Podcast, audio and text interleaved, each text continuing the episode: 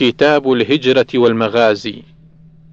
الباب الأول في هجرة النبي صلى الله عليه وسلم وآياته. 1156 عن أبي إسحاق قال سمعت البراء بن عازب رضي الله عنهما يقول جاء أبو بكر الصديق رضي الله عنه إلى أبي في منزله فاشترى منه رحلا فقال لعازب ابعث معي ابنك يحمله معي إلى منزلي. فقال لي أبي احمله. فحملته وخرج أبي معه ينتقد ثمنه. فقال له أبي يا أبا بكر حدثني كيف صنعتما ليلة سريت مع رسول الله صلى الله عليه وسلم. قال نعم أسرينا ليلتنا كلها حتى قام قائم الظهيرة. وخلى الطريق فلا يمر فيه أحد حتى رفعت لنا صخرة طويلة لها ظل لم تأت عليه الشمس بعد.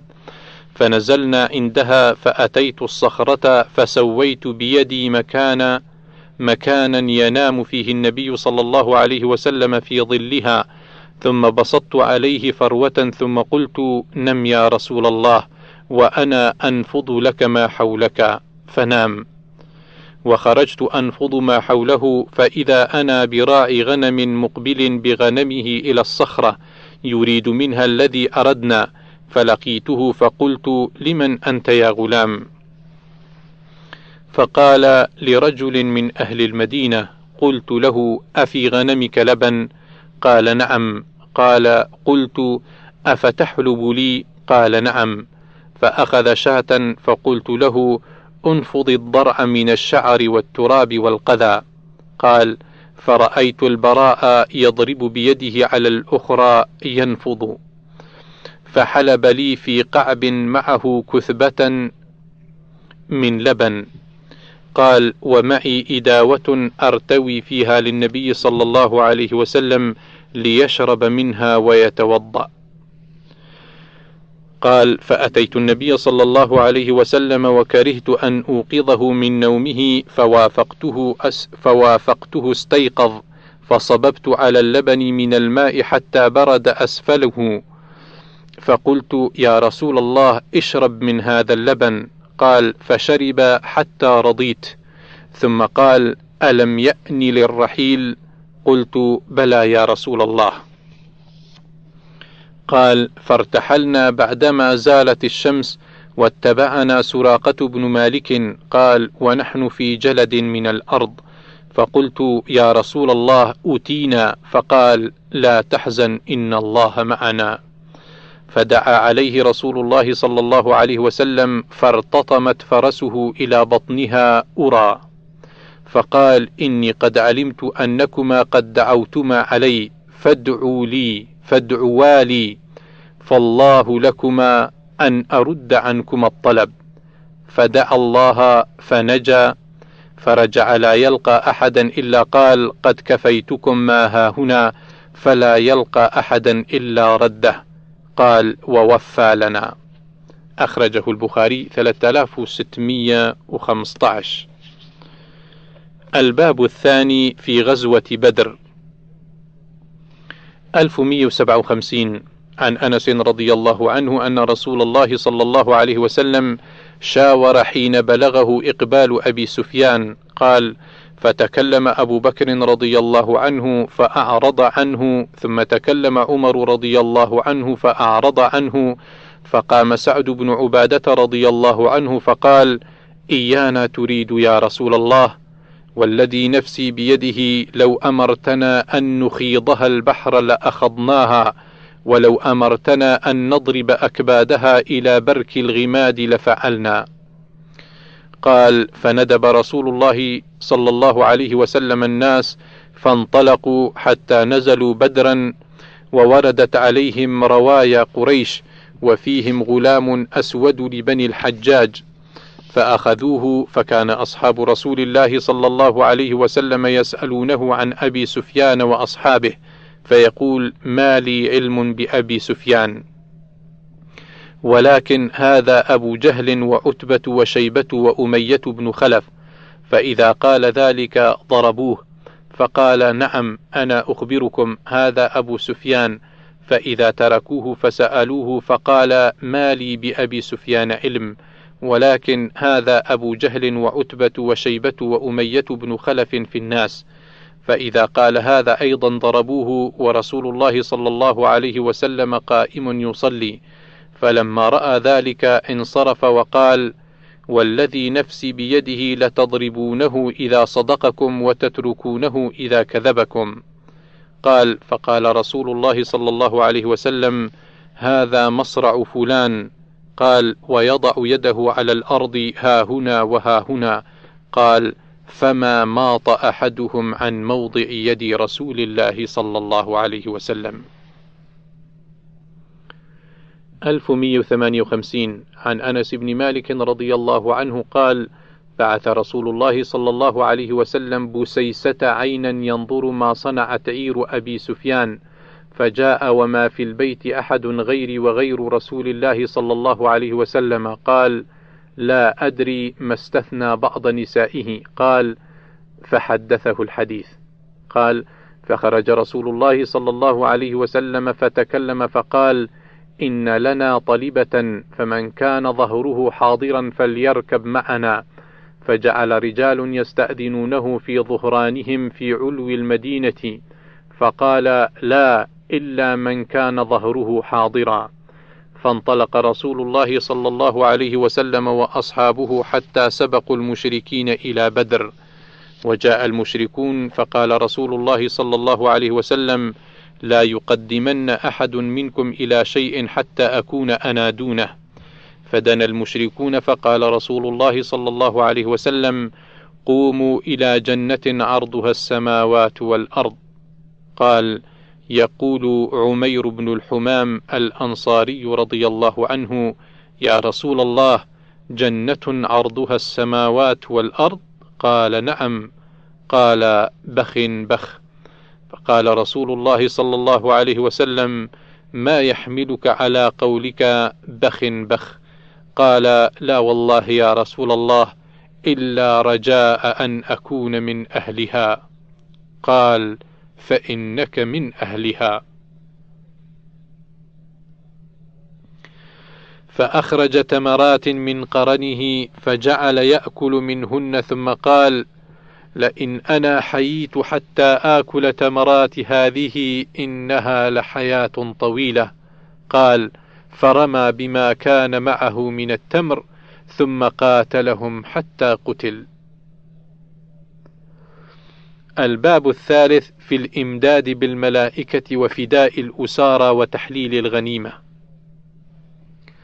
1159 عن ابن عباس رضي الله عنهما قال: حدثني عمر بن الخطاب رضي الله عنه قال لما كان يوم بدر نظر رسول الله صلى الله عليه وسلم إلى المشركين وهم ألف وأصحابه ثلاثمائة وتسعة عشر رجلا فاستقبل نبي الله صلى الله عليه وسلم القبلة ثم مد يديه فجعل يهتف بربه اللهم أنجز لي ما وعدتني اللهم آتي ما وعدتني اللهم إنك إن تهلك هذه العصابة من أهل الإسلام لا تعبد في الأرض. فما زال يهتف بربه مادا يديه مستقبل القبلة حتى سقط رداؤه عن منكبيه. فأتاه أبو بكر رضي الله عنه فأخذ رداءه فألقاه على منكبيه ثم التزمه من ورائه وقال يا نبي الله كفاك مناشدتك ربك كفاك مناشدتك ربك فإنه سينجز لك ما وعدك.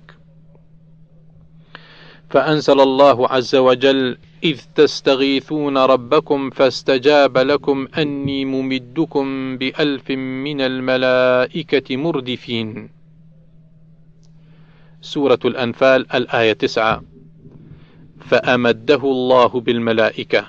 قال أبو زميل فحدثني ابن عباس قال بينما رجل من المسلمين يومئذ يشتد في أثر رجل من المشركين أمامه إذ سمع ضربة بالصوت فوقه وصوت الفارس يقول أقدم حيزوم.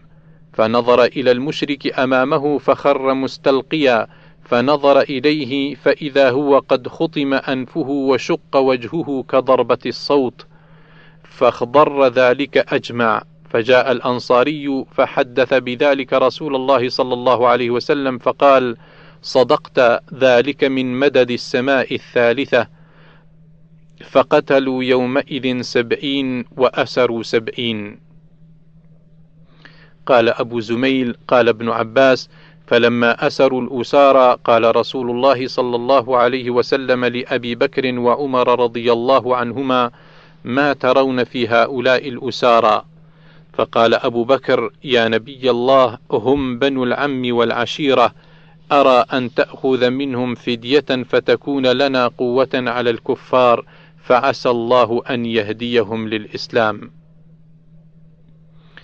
فقال رسول الله صلى الله عليه وسلم ما ترى يا ابن الخطاب؟ قال قلت لا والله يا رسول الله ما أرى الذي رأى أبو بكر ولكني أرى أن تمكنا فنضرب أعناقهم فتمكن عليا من عقيل فيضرب عنقه وتمكني من فلان نسيبا لعمر فأضرب عنقه فإن هؤلاء أئمة الكفر وصناديدها. فهوي رسول الله صلى الله عليه وسلم ما قال أبو بكر ولم يهو ما قلت. فلما كان من الغد جئت. فإذا رسول الله صلى الله عليه وسلم وأبو بكر قاعدين وهما يبكيان. قلت يا رسول الله أخبرني من أي شيء تبكي أنت وصاحبك فإن وجدت بكاء بكيت وإن لم أجد بكاء تباكيت لبكائكما. فقال رسول الله صلى الله عليه وسلم أبكي للذي عرض علي أصحابك من أخذهم الفداء لقد عرض علي عذابهم أدنى من هذه الشجرة. شجرة قريبة من نبي الله صلى الله عليه وسلم. فأنزل الله عز وجل وما كان لنبي أن يكون له أسرى حتى يثخن في الأرض. إلى قوله فكلوا مما غنمتم حلالا طيبا. سورة الأنفال الآيات من 67 إلى 69 فأحل الله الغنيمة لهم. الباب الرابع كلام النبي صلى الله عليه وسلم لقتلى بدر بعد موتهم. 1160 عن أنس بن مالك رضي الله عنه أن رسول الله صلى الله عليه وسلم ترك قتلى بدر ثلاثا ثم أتاهم فقام عليهم فناداهم فقال يا أبا جهل بن هشام يا أمية بن خلف يا عتبة بن ربيعة يا شيبة بن ربيعة أليس قد وجدتم ما وعدكم ربكم حقا؟ فإني قد وجدت ما وعدني ربي حقا. فسمع عمر رضي الله عنه قول النبي صلى الله عليه وسلم فقال يا رسول الله كيف يسمعوا؟ وأنى يجيبوا وقد جيفوا. قال والذي نفسي بيده ما أنتم بأسمع لما أقول منهم ولكنهم لا يقدرون أن يجيبوا. ثم أمر بهم فسحبوا فألقوا في قليب بدر. الباب الخامس في غزوة أحد. 1161 عن أنس بن مالك رضي الله عنه أن رسول الله صلى الله عليه وسلم أفرد يوم أحد في سبعة من الأنصار ورجلين من قريش فلما رهقوه قال من يردهم عنا وله الجنة أو هو رفيقي في الجنة فتقدم رجل من الأنصار فقاتل حتى قتل ثم رهقوه أيضا فقال من يردهم عنا وله الجنة أو هو رفيقي في الجنة فتقدم رجل من الأنصار فقاتل حتى قتل فلم يزل كذلك حتى قتل السبعة فقال رسول الله صلى الله عليه وسلم لصاحبيه ما أنصفنا أصحابنا. الباب السادس جرح النبي صلى الله عليه وسلم يوم أحد. 1162 عن أبي حازم أنه سمع سهل بن سعد الساعدي يسأل عن جرح رسول الله صلى الله عليه وسلم يوم أحد فقال جرح وجه رسول الله صلى الله عليه وسلم وكسرت رباعيته وهشمت البيضة على رأسه فكانت فاطمة رضي الله عنها بنت رسول الله صلى الله عليه وسلم تغسل الدم وكان علي بن أبي طالب رضي الله عنه يسكب عليها بالمجن. فلما رأت فاطمة أن الماء لا يزيد الدم إلا كثرة أخذت قطعة حصير فأحرقته حتى صار رمادا ثم ألصقته بالجرح فاستمسك الدم. أخرجه البخاري 2911 1163 عن أنس رضي الله عنه أن رسول الله صلى الله عليه وسلم كسرت رباعيته يوم أحد وشج في رأسه فجعل يسلت الدم عنه ويقول كيف يفلح قوم شجوا نبيهم وكسروا رباعيته وهو يدعوهم إلى الله فأنزل الله تعالى ليس لك من الأمر شيء سورة آل عمران الآية 128 الباب السابع قتال جبريل وميكائيل عن النبي صلى الله عليه وسلم يوم أحد. 1164 عن سعد بن أبي وقاص رضي الله عنه قال رأيت عن يمين رسول الله صلى الله عليه وسلم وعن شماله يوم أحد رجلين عليهما ثياب بيض ما رأيتهما قبل ولا بعد يعني جبريل وميكائيل عليهما السلام. وفي رواية يقاتلان عنه كأشد القتال. الباب الثامن اشتد غضب الله على من قتله رسول الله صلى الله عليه وسلم. 1165 عن أبي هريرة رضي الله عنه قال قال رسول الله صلى الله عليه وسلم اشتد غضب الله على قوم فعلوا هذا برسول الله صلى الله عليه وسلم وهو حينئذ يشير إلى رباعيته. وقال رسول الله صلى الله عليه وسلم اشتد غضب الله عز وجل على رجل يقتله رسول الله صلى الله عليه وسلم في سبيل الله. أخرجه البخاري 4073 الباب التاسع ما لقي النبي صلى الله عليه وسلم من أذى قومه.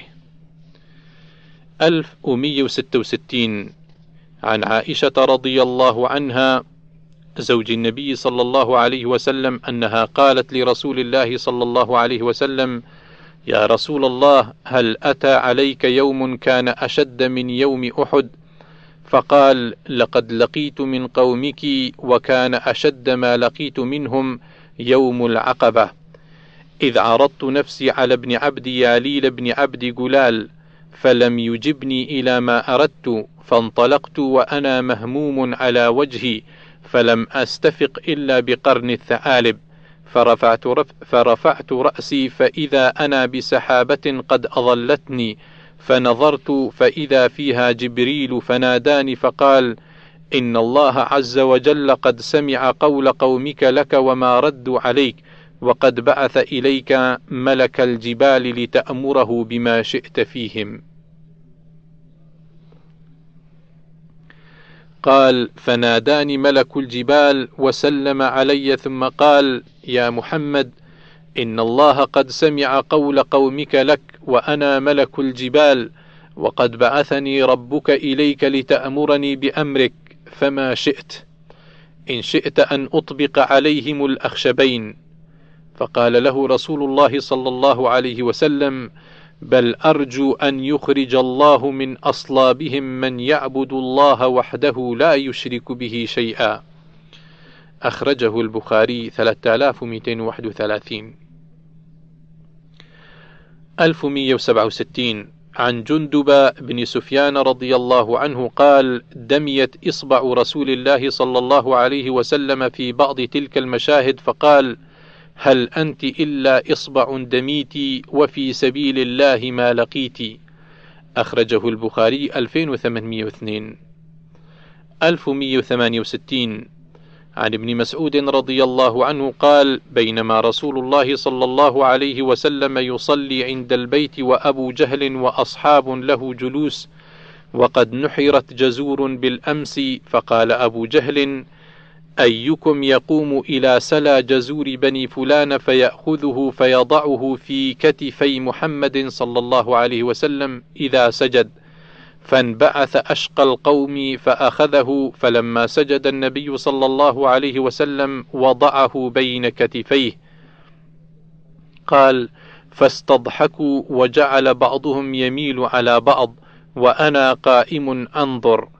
لو كانت لي منعة طرحته عن ظهر رسول الله صلى الله عليه وسلم والنبي صلى الله عليه وسلم ساجد ما يرفع رأسه.